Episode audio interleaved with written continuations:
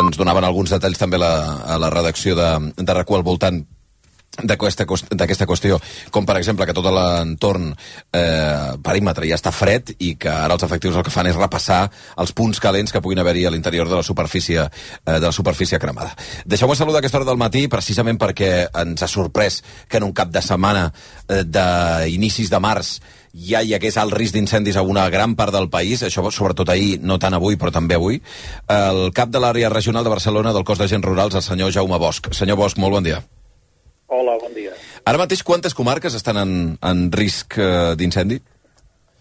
Doncs mireu, mireu ara eh, tenim 21 comarques activades en nivell 1 del Pla Alfa i sí. dues activades en nivell 2. Ha baixat bastant, uh, no?, respecte a ahir.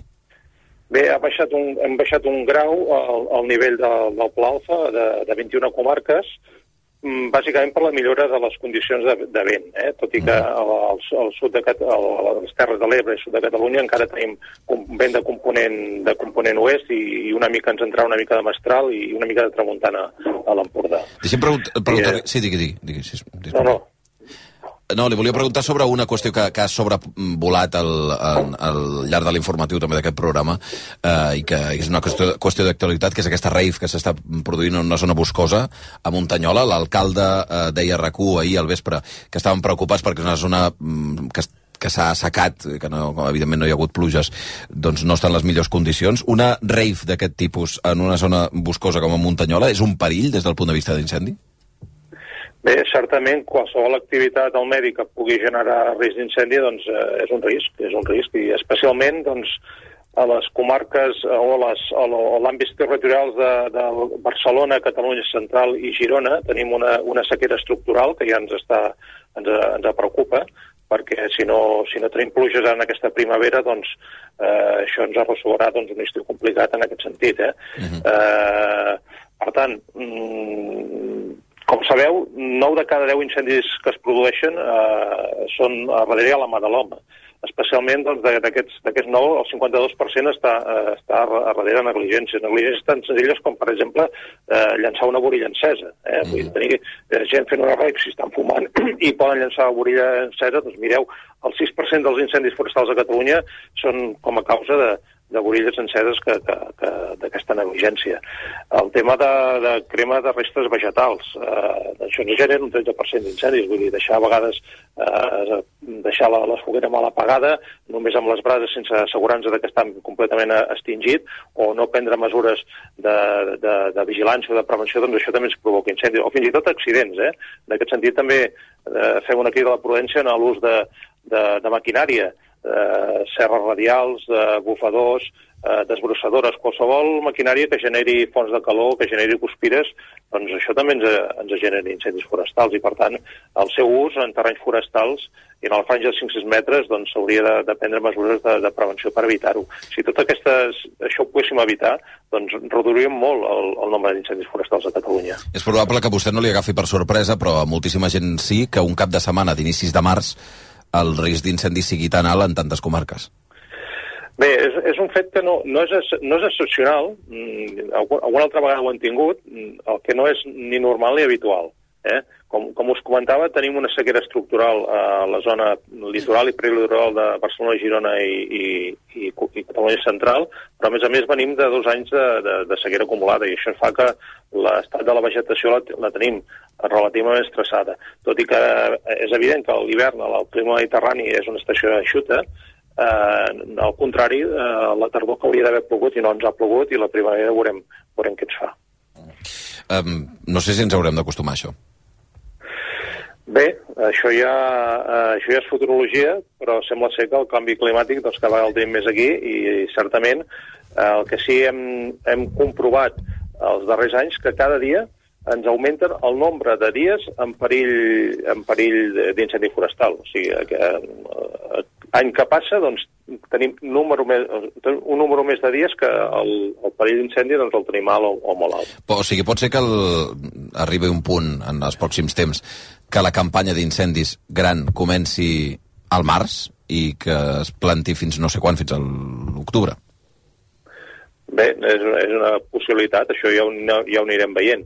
Eh, actualment eh, és cert que el nombre, quan, on tenim el major nombre d'ignicions i el major nombre d'incendis i més superfície eh, segueix sent doncs, a, a l'època d'estiu. Això no vol dir que doncs, en una situació com hem tingut aquest cap de setmana de vent i de, de situació eh, de, que se'ns ha afegit doncs, tot el tema de sequera, doncs puguem tenir algun incendi important. Eh?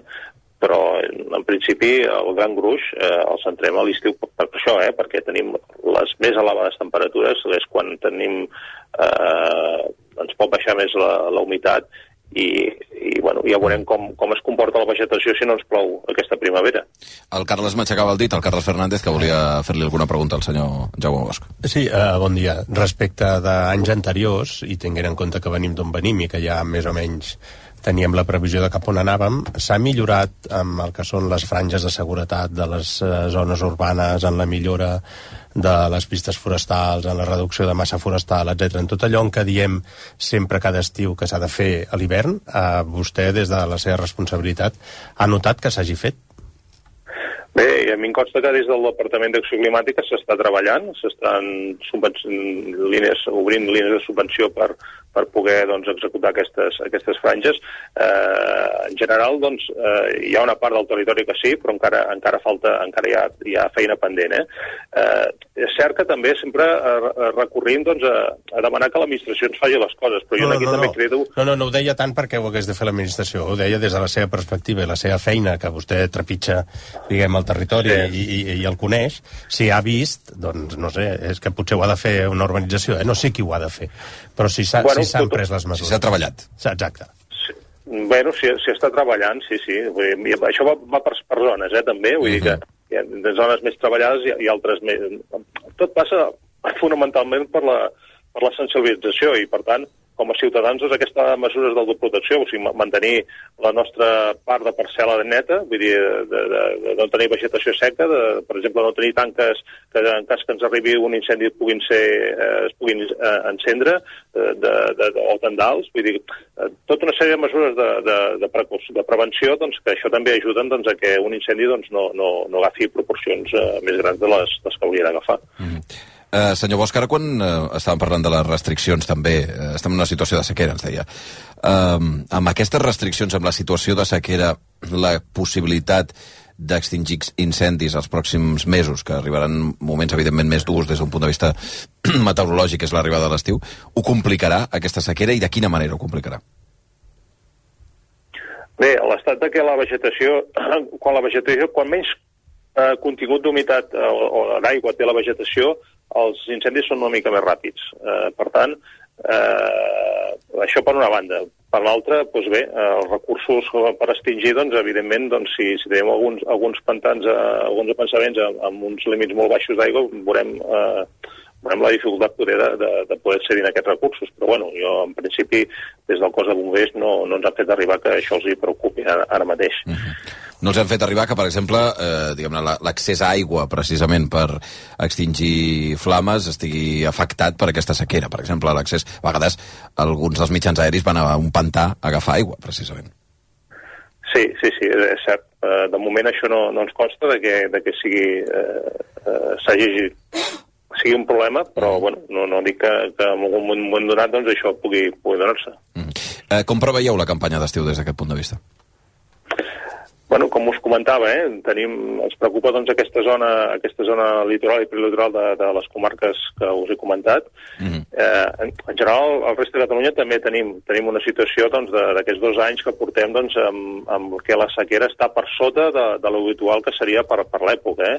i en algunes zones molt, molt per sota. I, per tant, eh, bàsicament, amb incendis forestals eh, hi ha dos grans factors. Una és la meteorologia, o sigui, quan tenim altes temperatures, quan tenim especialment vent i quan ens baixa molt l'humitat, que és el que hem tingut eh, aquests, estem tenint aquests dies, això, eh, això incrementa notablement el, el perill d'incendi forestal, però si a més a més, doncs, eh, si la sequera, eh, si, si la, la vegetació té poc contingut d'humitat o d'aigua, doncs això encara incrementa més el, el perill d'incendi forestal. Per tant, eh, a l'estiu, evidentment, tindrem altes temperatures, ja veurem si tenim vent i, i si baixa l'humitat, però segurament doncs, altes temperatures i si no ens plou aquesta primavera eh, la vegetació segueix estant seca, doncs això eh, farà que els, el, el nivell de perill d'incendi doncs, el tinguem elevat en moltes zones de, del país. Mm -hmm. El senyor Jaume Bosch, que és el cap de l'àrea regional de Barcelona del cos d'agents rurals. Eh, el Martí volia fer una pregunta, eh? Una sí, última pregunta. um, senyor Bosch, li volia demanar, no sé si des del cos d'agents rurals i bombers eh, tenen una previsió de la quantitat una mica de litres per posar números el que necessitarien els boscos de Catalunya eh, per fer front una mica a la campanya amb una mica més de, de garanties mm, pel que fa al bosc, perquè alguns mapes apunten que l'abril i el maig podrien ser relativament plujosos, sobretot al centre i al nord de Catalunya. Eh, mireu, no, no està en el nombre de litres, perquè igual ens, ens, es fa... Igual ve, mireu, igual la setmana que ve, per, no, no sé si és així, crec que no, eh? però igual la setmana que ve, mireu, si, ens, si vingués una llevantada i ens plogués a tot, a tot Catalunya i ens caiguessin, què sé jo, 200, 300 litres, eh, doncs, bueno, tindríem un, un respir, eh, però, però el que és important és que ens, ens vagi plovent eh, eh, seguidament. Vull dir, no, no, ens, serveix, no serveix que ens caiguin els 300 litres o els 600 litres, ens caiguin de cop i no torni a ploure. Eh, el, que, el que per la prevenció d'incendis forestal eh, va bé, mm. la vegetació, evidentment és que, que, que estigui en la situació eh, habitual que hauria d'estar, eh? Mm. però si no és així, si ara es plogués d'aquí 15 dies i d'aquí un mes tornés a ploure i anés plovent, anés fent algunes pluges, doncs home, això ens ajudaria molt a, a anar passant doncs, la, la campanya de, de, de risc o de perill d'incendi. Jaume Bosch, moltíssimes gràcies per atendre'ns aquest matí. Molt bé, gràcies a vosaltres. Gràcies, bon diumenge. Les 10 i 11 minuts, un darrer punt del, del Martí per saber com està la situació ara mateix, perquè deies que avui és un dia menys calorós que el d'ahir, eh, el vent pot fer la punyeta, però la guitza, però ja no en zones tan poc habituades com era el barcelonès. Eh, com, com ha de ser això en els pròxims dies? Sí, ara mateix aquest vent, sobretot fins al migdia, al Camp de Tarragona, Terres de l'Ebre, sud de Lleida, s'ha reforçat aquesta matinada, primeres hores del matí, alguns cops al voltant dels 70-80 quilòmetres, però zones habituades, també al nord del Cap de Creu, cims del Pirineu, però ja parlem d'una situació de vent més normal. Ha marxat aquesta força del vent de l'àrea metropolitana de Barcelona. Previsió que reforci el vent dimarts. Dimarts torna a reforçar-se, sobretot als extrems del país, però demà tindrem una treva amb temperatures una mica més altes que avui, que es desinfla una mica la cosa, i amb l'esperança d'aquest front demà a la nit i dimarts al Pirineu, que ens portarà una normalització de la temperatura per l'època, tocarà abrigar-se, som al març, i també aquestes nevades doncs, que poden reactivar una mica i, i canviar el paisatge una mica més, eh, sobretot a la banda de Lleida, cap als Pallars, Vall d'Aran i, i l'Alta Ribagorça. Per cert, eh, dir una cosa només, mm, ens deies abans que de cara al cap de setmana que ve pot haver-hi alguna cosa? Clar, a veure, ja, ja, ja en parlarem. pluja, eh, estic sí, dient. Tenim aquesta primavera que arriba al Via Lliure i Sí. es veuen alguns ruixats... De, de, O sigui, la primavera arriba dilluns sí, de l'altra setmana, no? Exacte, el dia... Sí, sí, el 20 sí, de març, El com 20 de sempre. març. Com deia el. Serrat, la primavera el 20 de març. l'equinoxi aquest de primavera que ens portarà segurament un canvi de temps, però falten dies. Es veu una segona quinzena de març més animada, amb més ruixats. Això no vol dir pluja ni molt menys dissabte a tot Catalunya. Falten molts dies i a, a veure a veure com hi arribem. Val. Jo ho dic perquè, com cada any, abans que enlloc, el Via Lliure arriba a la primavera. I això vol dir que obrirem dissabte que ve el, la gimcana aquesta amb els oients fantàstic. Ens ho passem molt bé perquè veiem corredisses per tot arreu. Gent buscant com, com si no hi hagués demà eh, botigues eh, floristeries perquè ens aliarem amb el Gremi de les Floristeries de, de Catalunya per, eh, en fi, per entregar i regalar flors i plantes a tot i plen, desenes i desenes i desenes en moltíssimes localitats del país. Ja sabeu com funciona això, els que sou oients habituals del Via Lliure. El, durant el matí anirem explicant a quines eh, zones, a quines eh, ciutats i a quines viles de Catalunya i a quines floristeries podeu anar mm, en nom de RAC1 per demanar eh, que us donin eh, flors i plantes. Però afegim una cosa que ens està agradant els últims temps, que és, és enviar una part dels oients a algun lloc a fer alguna visita. Una vegada vam pujar d'un globus per veure zones, eh, doncs això, eh, de, de, de primaverals, florides. Eh, en d'altre, la, crec que va ser l'any passat que els vam enviar a veure eh, el Carràs, els, eh, els arbres fruiters, una, una ruta fantàstica.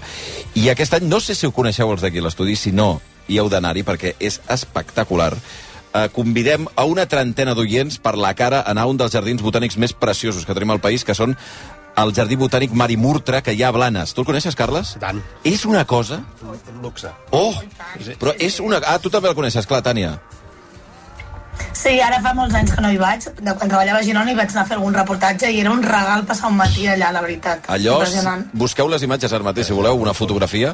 Ara ho penjarem també a les, eh, diguem a les xarxes socials per, per explicar-vos com podeu aconseguir ser una de les 30 persones afortunades que hi aniran el dissabte que ve. És un jardí botànic que és bé cultural d'interès nacional, que és Creu de Sant Jordi l'any 2009, que és un escenari gairebé de pel·lícula que està enfocat al mar, eh, gairebé allà sobre, eh, bueno, i a més a més una quantitat de, de, fi, de, de plantes, d'arbres, de, de tot tipus, que és fantàstic, que per fer una visita és meravellós. Eh, la visita, insisteixo, per un grup exclusiu de 30 oients que hi aniran dissabte que ve eh, amb una visita guiada per la cara.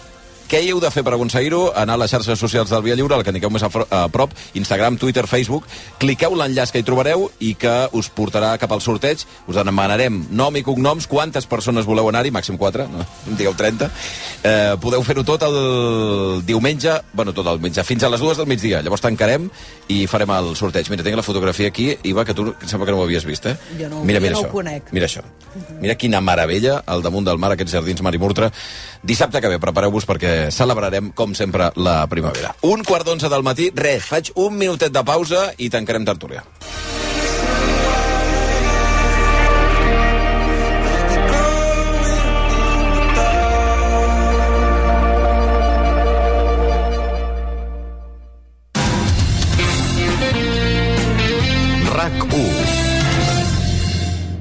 Escoltes la ràdio al taxi? Vols guanyar més diners? Doncs apuja el volum perquè aquest anunci t'interessa. Registra't avui com a conductor a uber.com i condueix sense comissió fins al 31 de maig. Accedeix a més clients i guanya més diners amb el teu taxi. Uber, súbete. S'hi apliquen condicions. Hola, carinyo, com estàs? Bé, m'han dit que us truqui. Quines ganes teníem de parlar amb tu. Que tu passes bé? Estàs fent amics? Menges bé? Ai, mama. Ens trobes a faltar? Sí, mama. Però em puc quedar una setmana més? Colònies d'estiu de Rosa dels Vents. Cuidant el que més estimes des del 1976. Què fas per Setmana Santa? Una escapada rural? Viatges amb la família o t'escapes amb amics? Vols gaudir de l'aire lliure i l'enoturisme? No cal triar. Al Penedès pots fer de tot. Descobreix espais únics, visita cellers, passeja entre vinyes i desconnecta als wine bars. Reserva d'activitats i idees per la teva escapada a penedesturisme.cat. Una mica més gran que Sicília i més petita que Suïssa, Taiwan és la perla de l'Indo-Pacífic. Una alteració del seu statu quo canviaria la faç del món.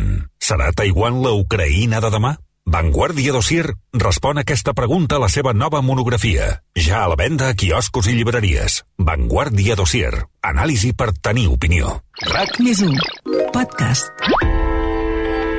Més testimonis. Jo crec que aquell dia el foc havia de fer el que va Més fer. protagonistes. moment se suposava que estava plovent fort, però... Més fenòmens. soroll molt fort, que va ser quan va trencar el que era la presa. A Oxigen, aquesta nova temporada analitzem situacions meteorològiques que hem viscut per descobrir què va passar i si es podrien haver evitat. És evident que avui els focs són molt més violents que fa 15 anys. Aquest podcast és possible gràcies a Naturgy. RAC 1. Tots som Més u. RAC1.cat. Recupereu tot el que sona a RAC1 a RAC1.cat. El portal de notícies de RAC1. Via Lliure, amb Xavi Bundó. Les 10 i 18 minuts. Bé, de seguida acabarem avui amb l'Ivan Guerra, amb el Carles Fernández, amb la Milagros Pérez Oliva, amb la Tània Tàpia, amb una cosa que és que jo estic al·lucinant tot el cap de setmana. O sigui, tot el cap de setmana. Ja sabeu que aquí ens tanquem a l'estudi i tenim una sèrie de teles. No n'hi ha tantes, eh? Vull dir que la gent no es pensi que estem envoltats de pantalles. Hi ha quatre, mal comptades. Alguna, alguna vegada no funciona. Bueno, hi ha una cinquena que la tenim tancada. Eh, I van passant canals internacionals i, i de casa nostra i, i tenim, entre altres, la BBC, no? I tot el cap de setmana, des de que va arrencar aquesta crisi, que no sé si l'heu sentit de Gary Lineker, que obren els informatius, fan debat, fan tertúlia des de la BBC sobre una crítica interna a la BBC perquè eh, bueno, el merder és, és, és, bueno, és, és enorme. Sabeu qui no ha estat el cas? Gary Lineker, que era jugador del Barça, un futbolista molt estimat també aquí. Um, és un dels presentadors estrella o col·laboradors estrella del, eh, del, diguem del sector esportiu de la BBC i que, entre altres coses, formava part del programa Match of the Day, que és un clàssic, és un mític de la BBC, eh, específicament el, o especialment els caps de setmana quan hi ha partit i, i, i va haver-hi una polèmica que és que Gary Lineker va fer un tuit fa uns dies en què comparava, o feia una crítica al govern britànic sobre la seva política migratòria, que ara està molt d'actualitat també. L'altre dia estaven amb Macron, eh, Rishi Sunak, parlant d'un pacte per donar-los 500 milions d'euros perquè aturin eh, els, els migrants al canal de la Mànega perquè no creuin. Eh, doncs en aquesta política que està molt a debat al Regne Unit, eh, va sortir Gary Lineker, va penjar un tuit, va dir, eh, va dir que li recordava l'Alemanya nazi. Mm? Que és un tuit molt bèstia, però és una crítica política. La BBC va decidir que, com que és un col·laborador, un treballador de la BBC i no pot emetre opinions polítiques, considera des del seu codi intern, eh, l'apartaven del programa. La, la crisi que s'ha generat després d'això Uh, perquè, entre altres coses, els, els que defensen la posició de Gary Lineker diuen però si aquest senyor no parla d'aquests temes. Vull dir, és un presentador o un col·laborador que parla d'esports i de futbol. Fa un comentari mm, des del seu punt de vista no? uh, polític. I el que ha passat és que, després de la decisió d'apartar-lo, el que s'ha trobat la direcció de la BBC és un caos en la gestió de l'àrea esportiva de la BBC tremenda, perquè un, un seguit de, de boicot intern ahir el Match of the Day, que, que dura no sé si una hora i mitja o una hora, eh, es va haver de fer durant 20 minuts amb repàs dels gols sense cap comentari. O sigui, es van veure els gols i punt perquè ningú va voler ni posar els comentaris, ni presentar, ni copresentar. Els clubs es van posar d'acord per no fer declaracions a la BBC a la sortida del, del, dels partits. Um, I llavors hi ha hagut una... Però, evidentment, els, la majoria de col·laboradors de la cadena han dit que es declaren en vaga. Una crisi fenomenal. I, entre altres coses, peticions de dimissió pel president de la BBC, per Richard Sharp, eh, o per, o per d'altres els càrrecs de la, de, la, de la televisió. Però a mi el que em té més al·lucinat és que la gestió que en fa la BBC d'això mateix, perquè obre els seus propis informatius, fa programes de debat al voltant de la reputació tocada de la BBC, no? La crisi de la BBC, ells mateixos s'ho estan dient, no? No sé com, com ho heu anat veient, més enllà de que, si voleu, comentem eh, la dificultat que, que hi ha al darrere d'una decisió com aquesta al voltant de, de què pot dir i què no pot dir un periodista que treballa per un mitjà, en aquest cas, públic. Aquesta és, una, és un cas típic d'ambivalència, en el que les coses no estan tan clares com semblen. Eh? La, la primera pregunta que jo em faria és què diríem si Lineker, en comptes de dir que la política migratòria del govern britànic sembla als nazis, hagués dit que, segons ell, s'hauria de semblar més a lo que havien fet els nazis. Vale? És a dir, és una opinió política. Sí, però aquesta opinió política, en aquest segon Espera. cas, entra en, en, en, en una qüestió... No, entra en una qüestió de drets humans. És a dir, hi ha un consens sí. que els nazis van actuar d'una manera... Sí, però, eh, però, no només de contrari als drets pues, humans, sinó de política no, no, d'odi. Pues, però, però és a dir, un defensar una posició feixista d'acord, d'acord, mm, no, no és acceptable. Posem, posem, una, posem la, no, no, al revés. És a dir, no, no és acceptable, però... Defensar, demanar una, defensar una posició no, feixista contra els drets humans no, és, no, no és acceptable. Pues no. posem una altra. Posem que ell considera que les dones estan propassant massa i que estan adquirint massa poder. Mm -hmm. Suposem que això és opinable, diríem, no? Eh, a veure, la BBC té uns còdics interns molt rigorosos sobre separació d'opinió i d'informació. Cada gènere ha de tenir les seves regles. Imaginem-nos una tele que tots els presentadors o tots els periodistes que intervenen poguessin explicar les seves opcions personals polítiques, o del que sigui, sobre el feminisme, sobre el que sigui. És a dir, hi ha uns codis interns. El que ha escalfat, el que ha escalfat aquest cas i el que ha provocat un escàndol és que molta gent considera que el cessament d'aquest periodista, que és un no és un periodista, és un comentarista de, de futbol, eh, que, que no fa de periodista, sinó que comenta els gols eh, en cada això, s'ha degut a les pressions del govern britànic, del SUNAC, perquè criticava les polítiques del SUNAC. Per tant, estem en un segon, hi ha una segona derivada, que és eh, pressions del govern a una emissora que ha de ser independent i que a més ha fet gala d'independència durant molt de temps, justament, inclús reproduint les crítiques que se li fa en aquests moments, diríem, no?, i, i per tant consideren que ha sigut massa sotmesa al poder executiu. Clar, la BBC darrerament ha sigut objecte d'una embrancida molt forta per part dels governs conservadors que han fet diferents maniobres per intentar controlar la BBC.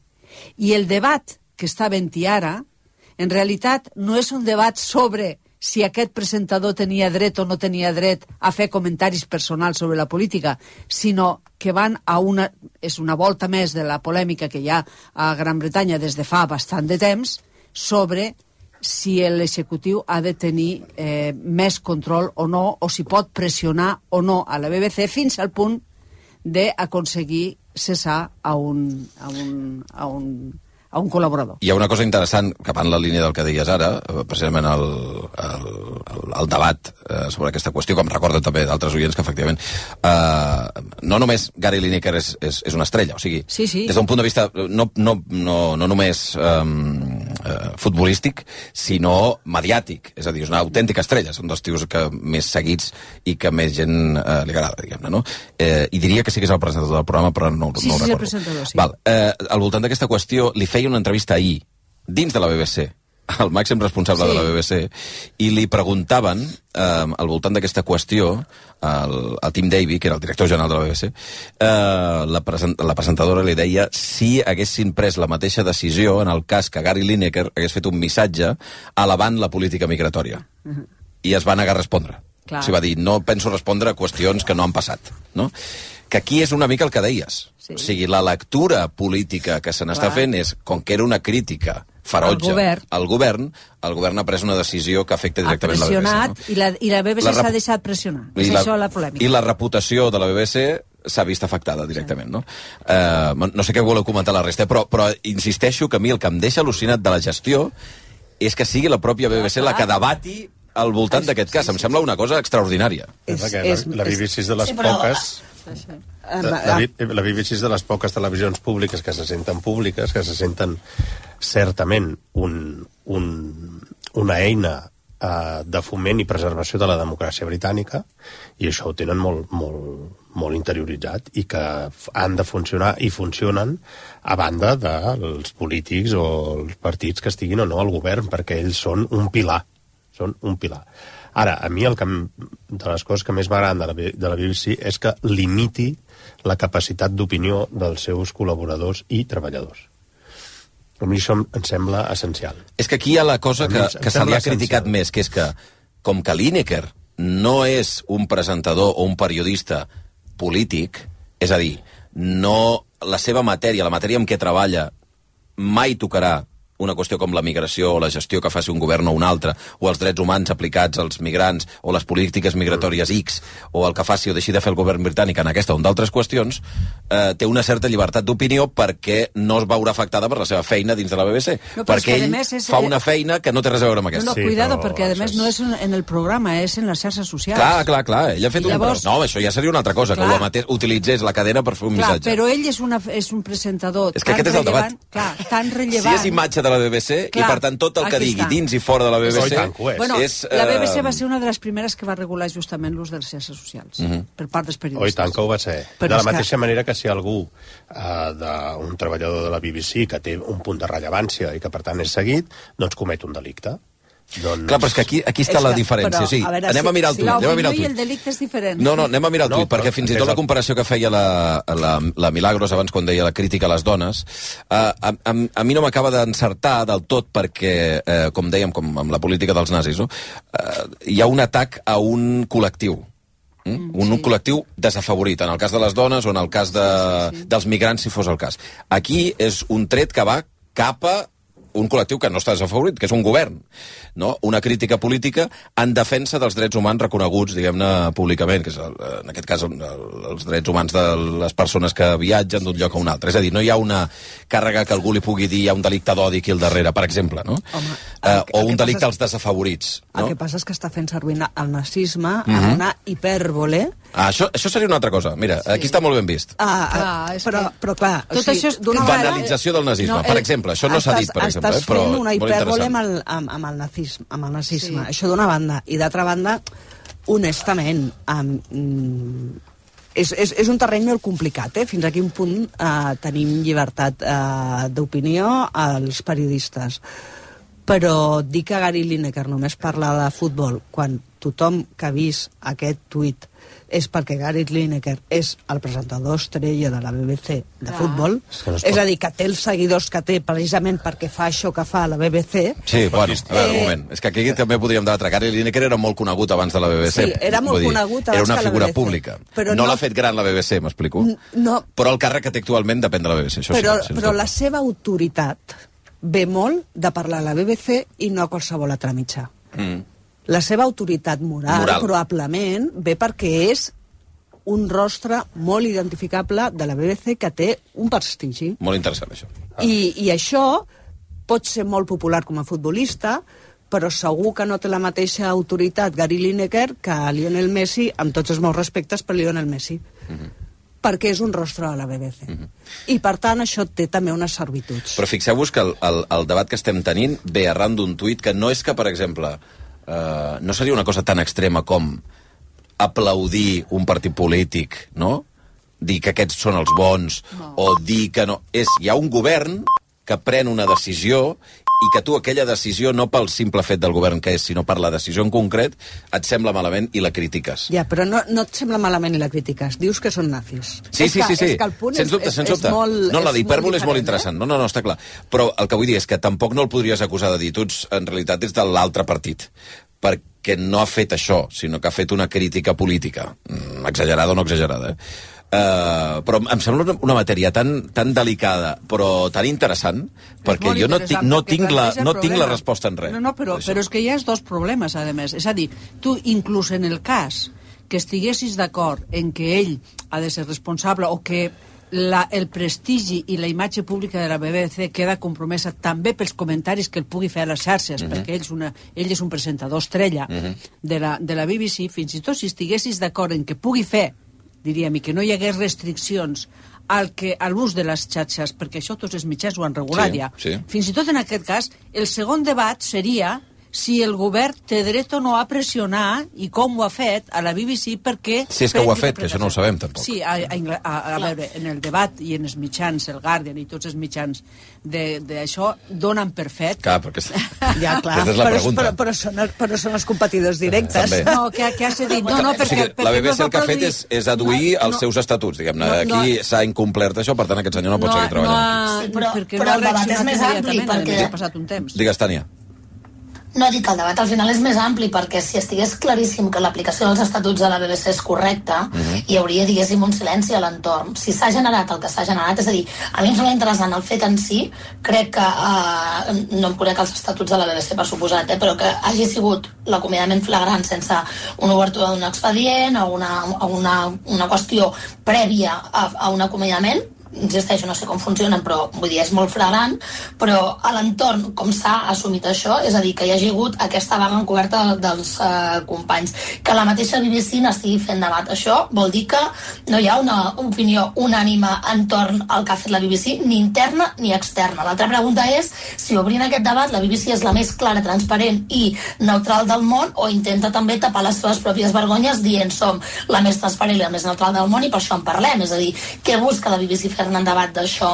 Uh, ta, taponar, diguéssim, aquesta crisi uh, uh, institucional i de reputació o demostrar que és uh, la televisió, diguéssim, més pulcre en quant a la separació de l'opinió i la informació? Ha una Uh, jo crec que no només ens hem de quedar amb el problema, financer, perdona, sinó del que un està problema, generant. el problema és que al principi de l'escàndol el director general va ser entrevistat i va venir a dir que això no s'havia de fer, que això comprometia, que, que tota la gent de la BBC d'alguna manera havia de seguir. Les normes estan molt clarament delimitades pels eh, periodistes d'informatius i de programes informatius i, i sobretot de política però el, hi havia certs dubtes sobre si això abarcava també altres espais o altres programes com pugui ser el d'esport.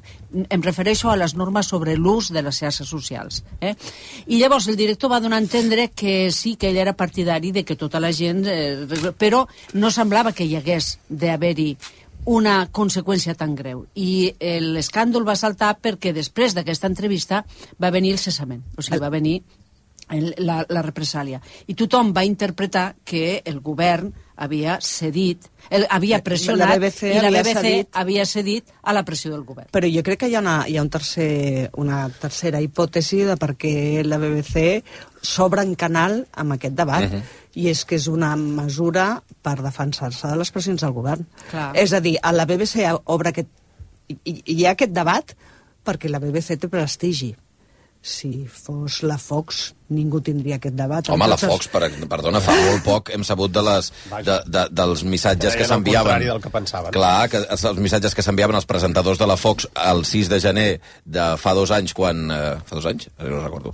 Eh, el 6 de gener a l'assalt del Capitol, Ah, sí. que... que, Que eh, no es creien res del que estaven dient. no, perdoni, abans de les eleccions, ju- just després de les eleccions, eh, quan eh, Donald Trump deia que allà hi havia un... Eh, Pucherazo. Un, un pucherazo i ells se n'en fotien, no? Però en antena donaven la possibilitat de que això fos així. No? Exacte. O sigui, la, la BBC obre aquest debat I allà no van tenir aquest debat, efectivament, quan es va perquè, destapar l'escàndol. perquè té un prestigi que li permet obrir aquest debat. Mhm. I aquest debat, si l'obren ells a casa seva, controlen el debat Evident. i, a més a més, uh, d'alguna manera li li el estan prestigi anant per salvar el prestigi? per salvar el prestigi i, per, i, i perquè el debat ara està anant en contra del govern, també. Mhm. És a dir, també pot ser que obris aquest debat i l'exposis d'aquesta manera tan cruenta per dir-li al govern, veus, és que, és que mm, eh, encara que volguéssim, En tot cas, les pressions són reals perquè pleguin els màxims responsables de la BBC, eh?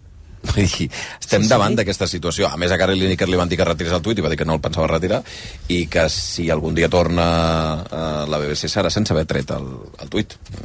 Mm, Aquella és la seva opinió i que la va deixar anar i ja està. Sí, el- Sembla interessantíssim, de veritat. Eh? Eh, eh, S'està parlant més del cas Lineker que de la llei de la immigració. I tant. Sí, sí. Bueno, ah, llavors també pots fer la lectura de Cortina Sí. de fum, però vaja. Uh, en tot cas, insisteixo, eh, algú que mm, en algun moment del cap de setmana vulgui posar la BBC un moment veurà que és una constant. O sigui, permanentment estan reiterant uh, el conflicte que hi ha intern al voltant de la, del cas Gary Lineker. Va, que passen 5 minuts de dos quarts de 11 del matí, el conveni ja s'ha esgotat, uh, Carlos, o sigui que ja hem d'anar hem d'anar Ei, el tirant. Carles no ha dit res, eh? No ha dit res, no, no, no, l'he vist molt tranquil, o sigui que no... Està relaxat. De moment, tranquil. Uh, us agraeixo moltíssim Perquè que encara queden digues. brosants, no? Sí, Ah, sí, sí. Acabem de negociar, eh? Acabem de tancar, acabem de tancar el, la negociació. Per cert, una cosa, Tània, que jo esperava tot aquest cap de setmana a veure si hi havia crisi de govern i no n'hi ha a Madrid. Què està Ui, passant? quin tema estàs obrint ara? No, no vull obrir-lo, eh, però... Ah, la setmana que ve no, serà? No, cap de setmana que ve. Vale, no, vale. prepara't. Tu celebres la primera, però potser el diumenge... I Tània, què se diu? Que serà només el, Seran ells els dos, no? canvis dos o n'hi haurà més? A veure, seran segur la Darias i Darias, Maroto i l'altre... Mm, Ai, ai. L'altre, l'altre. Mira, jo sempre deia que no, sempre deia que no, uh, però ara no ho sé. Però és que saps què passa? Quan Que dius l'altre estàs dient... Perdona, eh? Quan dius l'altre estàs dient Montero?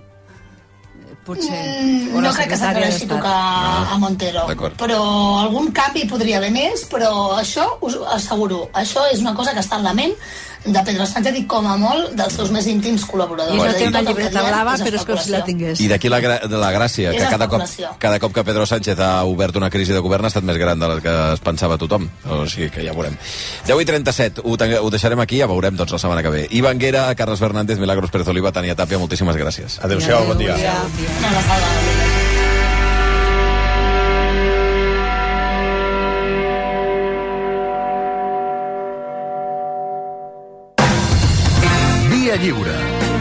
Xavi Bundó.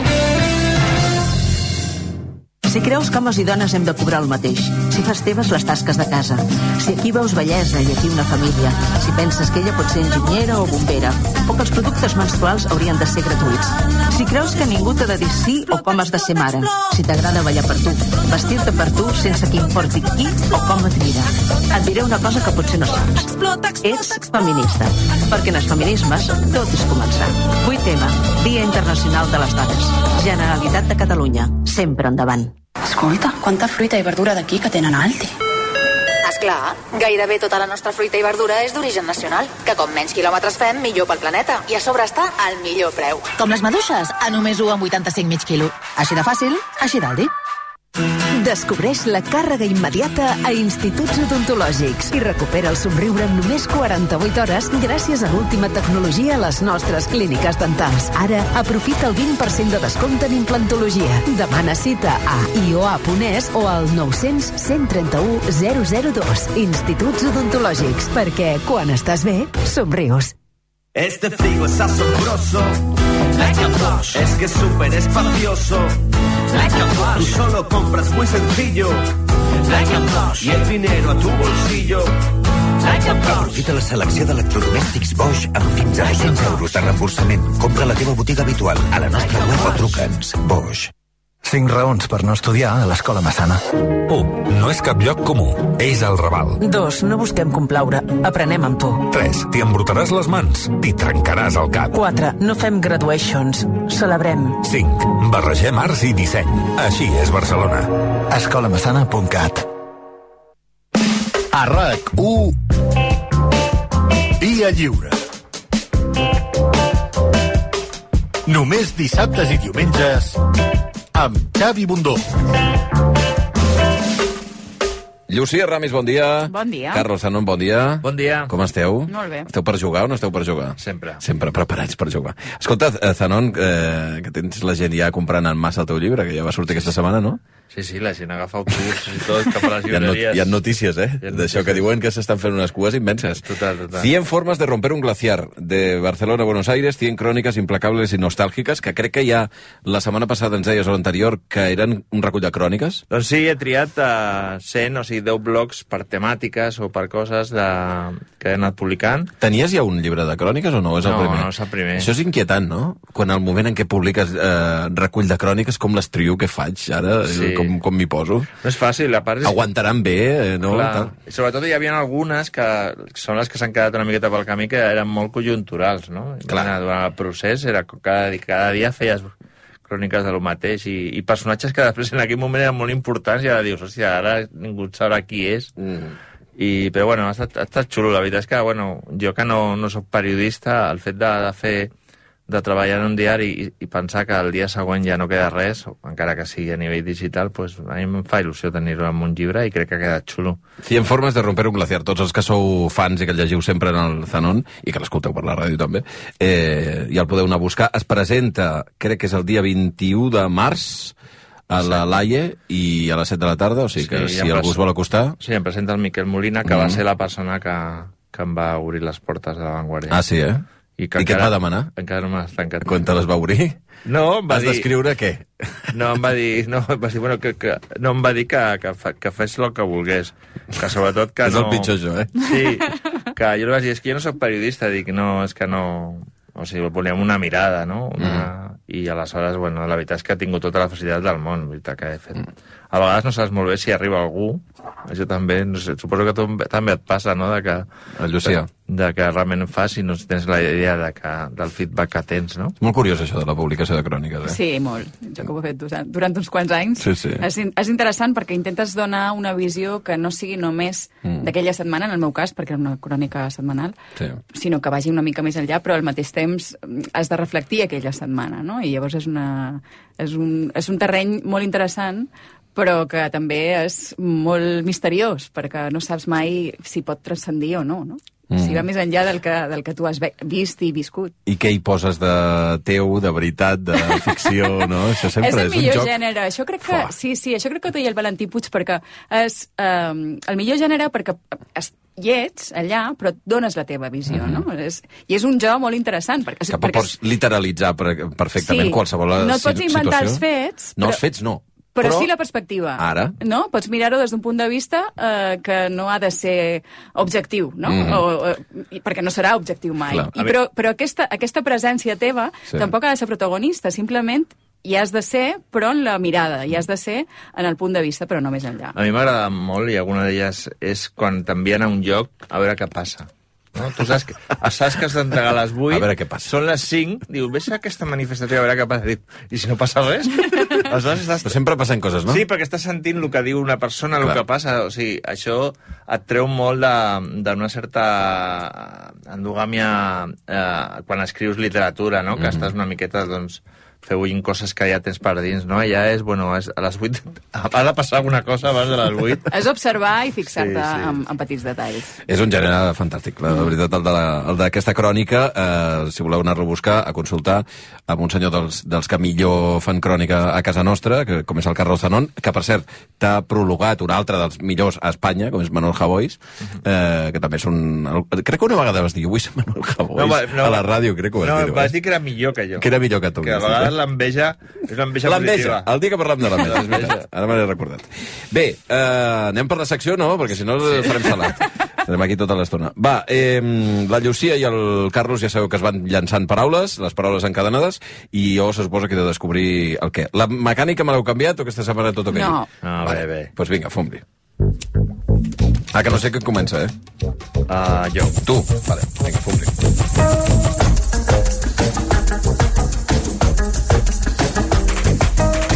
Tu diràs. Planta 13. Planta 13? Sí. Això són dues paraules. Planta 15 també serviria. com aquesta. Elevar. Elevar. Um, reduït. Reduït. Uh, tancat. Taüt. Taüt. Taüt? Sí. Sí, noi. Uh, No tabac. té. tabac. Tabac. Tabac? Tabac. Sí, tabac. Taüt, tancat, tabac. Elevar. Caure. Caure? Sí. No, caure no. Bueno, de vegades... No us esteu posant d'acord, pot ser? Planta 13, caure, no sé. Ai, ai. ai. Taüt. Estic perdut, amb el tabac, estic perdut amb el tabac ara mateix, perquè Tabac. jo tinc una idea bastant clara. Uh, caure, escales. Escales. Escales. Escales? Ah, bueno, vale. Um, La S. sorpresa. Com sorpresa? Ah! Ja, ja. Aquesta te la compro bé, que és... Ting! Eh? és veritat, és veritat. Però el del tabac no estic, no estic Quan segur, entres eh? a un ascensor Sí? i de vegades fa pudor de... És veritat. Sí, és ascensor, efectivament. És ascensor.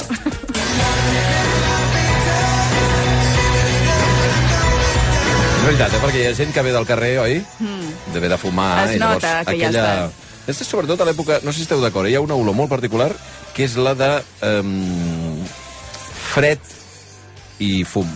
Sí, O sigui, no, no és la mateixa que la, el tabac a l'estiu. ja. Hi ha com una mena de, de bafarada que entra algú que entra a un ascensor si tu estàs baixant i estàs sortint del carrer, o que ell mateix ha estat propulsant tots els seus vapors i a la, al moment en què a la planta 13 o 15 s'obren, surten tots, hi ha com una bafarada de fred i de tabac. Sí, Molt concreta. És una cosa com de vents del carrer, però, però amb alguna afegit. certament. Oi? Ah, sí? Alguna, alguna cosa així. Veus com sí que servia la paraula? Sí, sí, és veritat, és veritat.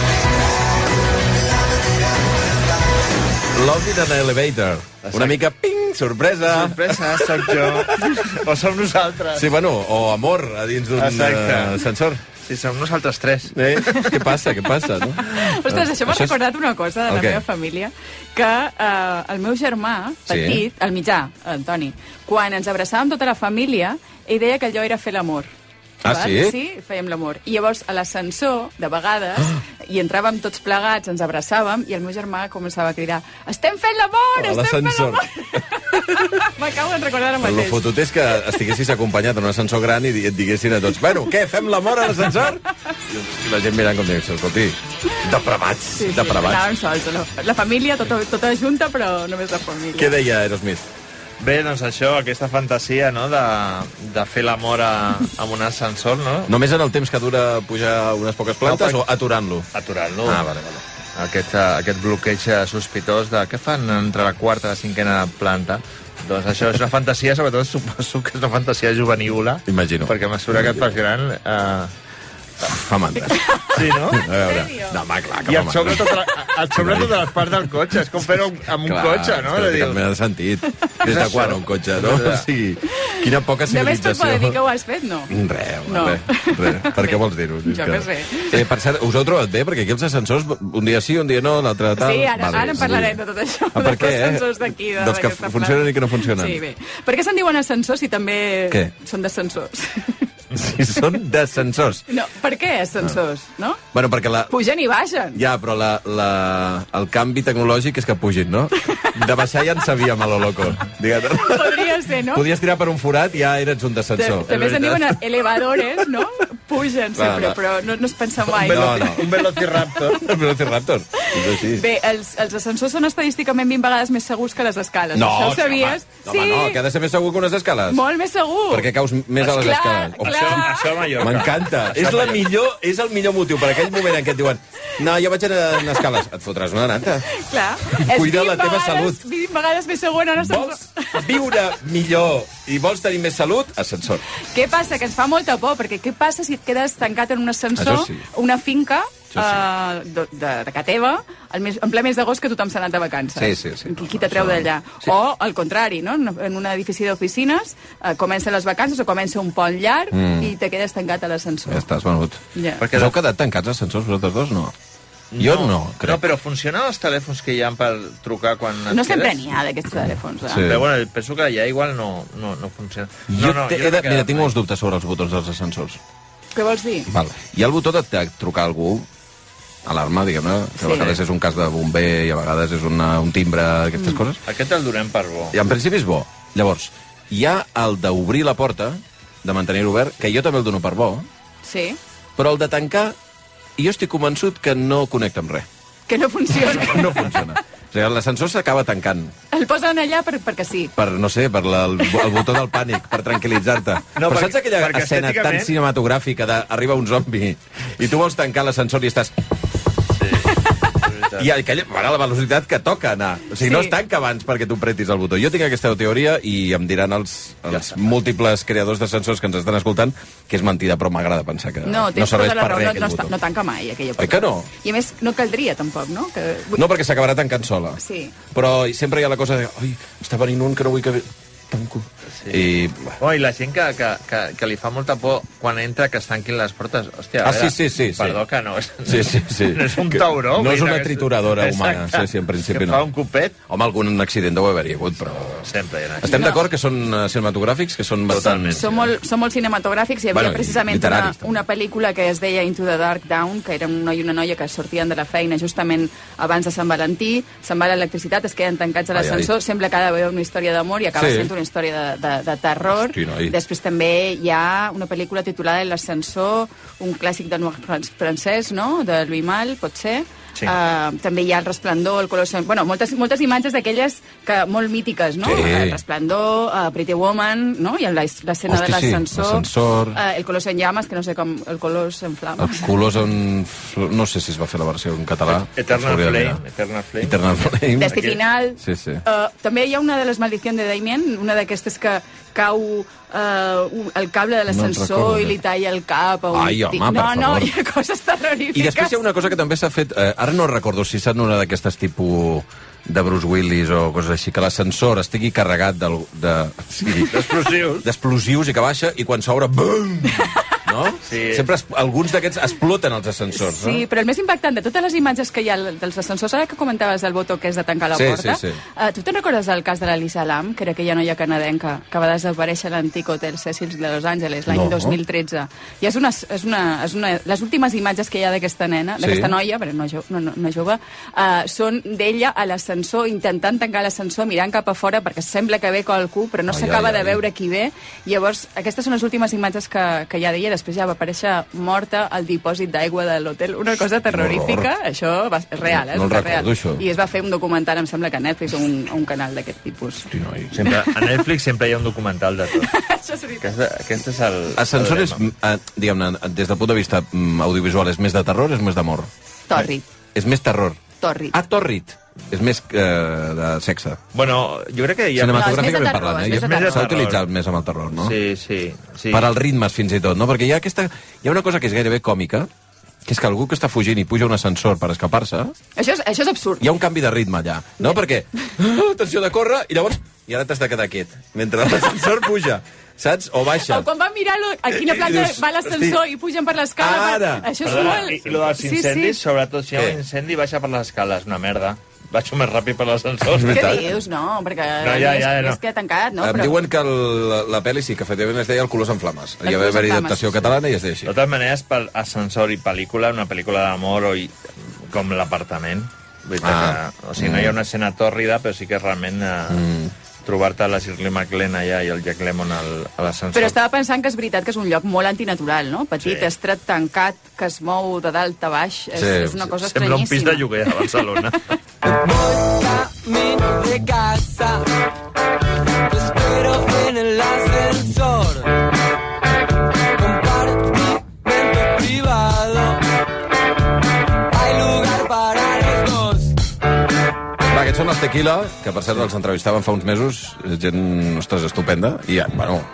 uns èxits que van deixar en el Sí. seu dia. Eh, amb una cançó que és el rock de l'ascensor. Sí, que jo crec que és del Sergio Macaroz, però ara... Pot ser, bueno, estaven tots allà sí, tots sí. junts, eh? Doncs sí, bueno, aquí tota, tota la història, aquest, aquest rotllo tan stone i aquest so, doncs aquest, aquest ascensor de t'espero en l'ascensor no és de pel·lícula de terror, en principi, és una torri. és torri. Quan, quan tenim ascensors? Quan diríeu que van a començar els ascensors? No sé, és una cosa des de... que hi ha edificis alts, els... Eh, La meva àvia no 50s. tenia... Els 30, els 50. Mira, al Coliseu 20. Romà hi havia 40 24. No, no, què ha d'haver-hi al Coliseu Romà? sí, Com ha d'haver-hi sí. ascensors al Coliseu Romà? 24 ascensors hi havia. I 24 es ascensors? movien 200 esclaus, sí. Tibant. Recordes? Sí, sí. No ho puc creure. On vas a la segona planta? Joder. Secos! Secundum! Es, es calcula que els ascensors transporten l'equivalent de tota la població mundial cada 3 dies. I l'ascensor més ràpid del món eh, és a la Xina, eh, va a 1,260 metres per minut, que són 75 quilòmetres per hora. Eh? 75 per hora? T'has marejar una mica, no, en aquest ascensor? Home, però si aquí el de la ràdio, que té una pas de... A veure, no, el de la ràdio és bastant ràpid, eh? ràpid, a mi em mareja. Bueno, ara ja no, perquè fa tants anys que venim, però, però jo recordo la sensació del primer dia de l'ascensor de rac Sí. Molt ràpid. Sí. Molt- Normalment els ascensors van a 32 quilòmetres per hora. Jo deia als anys... Eh, això, cinc, no, 50 no, o sigui, abans, als, a principis del segle XX, perquè, clar, sense ascensors el que no tindríem són ciutats com Nova York, Clar, no? bueno, cap de la ciutat que nosaltres ara imaginem seria possible. Bueno, sí, dir, sí, clar. Actualment ja estava dient Nova York, però clar, tot arreu hi ha La idea de gratacels. ciutat vertical hi té un sentit o de o d'agrupar la gent, hi ha un moment que no es pot estendre, aleshores has de pujar i aleshores jo crec que, que ha canviat per sempre. I, de fet, antigament els pisos superiors en aquestes ciutats estaven reservats a la gent del servei o amb pocs recursos, però amb l'arribada de l'ascensor, i de fet els de baix eren els importants, però això Sí. diu el principal, no? És fort, això. Sí, clar. Perquè imagino que, clar, com que eren els del servei l'àtic, que Clar. penses, a veure, costava arribar-hi, però llavors què? La punyeta, no? Amb unes terrasses estupendes, veient les vistes sobre la ciutat i sempre, tal. sempre eren poetes a ple de melancolia. No, i de, i de fet, des, des que existeixen els ascensors, els àtics són per la gent amb, amb pasta, no? Home, home. I en els edificis d'oficina, com més amunt hi ha el despatx, sempre. eh, més poder té qui el regenta, no? I... No, no va ser un àtic que va ser el pis més venut de la història de Barcelona? Ara, sí, ara, no? ara fa No sé si eren 60 o 70 milions d'euros o no sé quan, bueno, t'entenc que fora de sèrie aquí a, a la plaça 5 d'Oros. Sí, perquè la, la, les vistes des de dalt donen sensació de poder, com si tot allò que veus fos teu, no? Clar. Tinguessis De aquesta... totes maneres, ara ja ens, ens estem, podríem, estem desaprofitant un, un programa com serien els gratacels. Però, de fet, la idea de la ciutat vertical Sí. sí. va crear la idea dels superherois, que estan Mhm. a dalt vigilant, Bona. i dels supervillans, la gent que mana sobre la ciutat, Clar. que es reuneix amb, allà dalt i que es governa tot. Però, Perquè amb horitzontal no té tant sentit, no? No, clar, Perquè a on veure, són? No tens perspectiva. Els que manen on són? No, les ve, no els veus, estan allà com Mm. els déus, aleshores és Clar. el, a la, La, la mirada d'una torre cap amunt Clar. de, de gent molt poderosa Mhm. és com allà dalt són, i són els que manen. Torre Trump.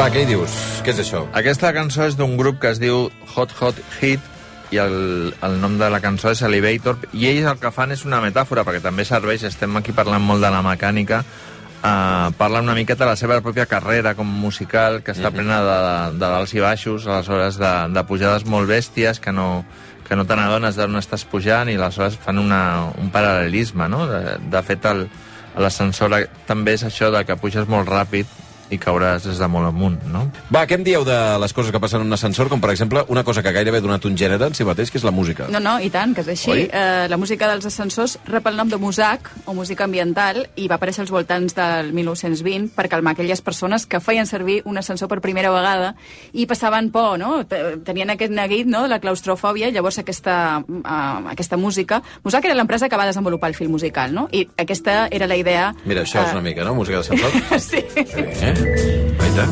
Era, doncs això, no? La, la idea era apaivagar el silenci que, que sense ser invasiva, no? aquesta música el que fa, eh, i sense ser molesta, eh, pot, pot ser molesta, eh, però no tenia la voluntat de ser-ho, Sí. eh, era perquè no hi hagués aquell silenci de l'ascensor, perquè, te- perquè no tinguessis la sensació d'estar en una capsa buida o un, en un taüt, no? Es podia cre crear un món que seria muzaca, o sigui, música d'ascensor, revistes de consulta de dentista. Ara? Mm. És a dir, Sí. podien crear una, Hosti, sí, un eh? gènere. un gènere estrany. Sí, sí. Vols dir que no hi ha un forat de un nítxol de mercat aquí que podríem desenvolupar? Ara m'està recordant això de la música, bueno, i aquell personatge meravellós de la competència que es diu Otis Sardoia, Ah, sí. que està basat en... En un ascensor. En l'ascensor, en o- els Otis, que són... Jo crec que li van canviar el nom als Otis, que es deien... Si, jo, és que l'altre dia ho vaig trobar en un ascensor de casa que és Otis, i vaig veure allà que deia Sardoia Otis, S.A., i en algun lloc vaig veure que havien canviat el nom, que no fos per culpa de la competència que ara... que se'ls hi en foten a través de l'Otis Sardoia. Bé, eh, hi ha la música d'ascensor, I el, com comentaves abans, les, les converses, converses les converses d'ascensor. És un gènere en si mateix. Parlàveu amb la gent quan pu- pujau a un ascensor? No. No. Què feis? Bueno, callat. sí, depèn de la gent, però... No, no, jo no, jo no, jo... No. Mireu a terra? Sí, sí, jo miro a terra. Mires en terra, en sèrio? Sí, sí. Mires- O fas una cara de boig. O com mires cap a l'infinit. O miro a la finestra, digo, a la finestra. Finestra, quina finestra? No, Dic, dic al mirall, al mirall, però no, no, em quedo... No, no, és que no em fa gràcia. Jo no sé parlar així, o sigui... Saps que hi ha també to- tot un gènere en això de les converses aquestes de... Um, del, del món dels negocis, dels entrepreneurs, que han de ser capaços de convèncer en el, que, el temps que dura un, ascensor, una, Què dius? un viatge d'ascensor. De vendre't alguna cosa? Sí, clar, perquè eh, és el, no sé, el minut, minut i mig, ja, ja té d'haver